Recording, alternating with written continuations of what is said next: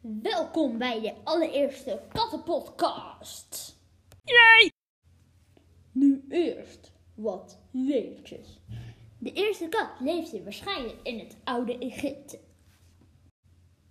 Er zijn ongeveer 73 kattensoorten in de hele wereld. En als laat weetje, katten proeven nooit zoet. Yay! Gaan we lekker luisteren naar ontspannen muziek voor katten. Yay! Nu ga ik het met jullie hebben dat katten aan de lijn moeten. Ze doden misschien honderden vogels per jaar en op eilanden ehm, bijna uitgestorven zeldzame dieren.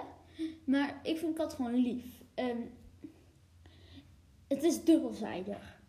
Ehm, ik vind het wel goed, maar ook wel weer zielig. Ehm, wij hebben het ooit geprobeerd en dat zag er ongeveer zo uit. Ja, heel. Nee. En uh, Lotje wou ook gelijk um, hem uit en lostrekken en ja. Het zag er zo zielig ook gewoon uit.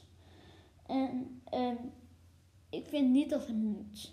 Ik vind honden vind ik nog wel oké. Ik vind het ook wel zielig. Maar je hebt bepaalde, die zijn gewoon goed.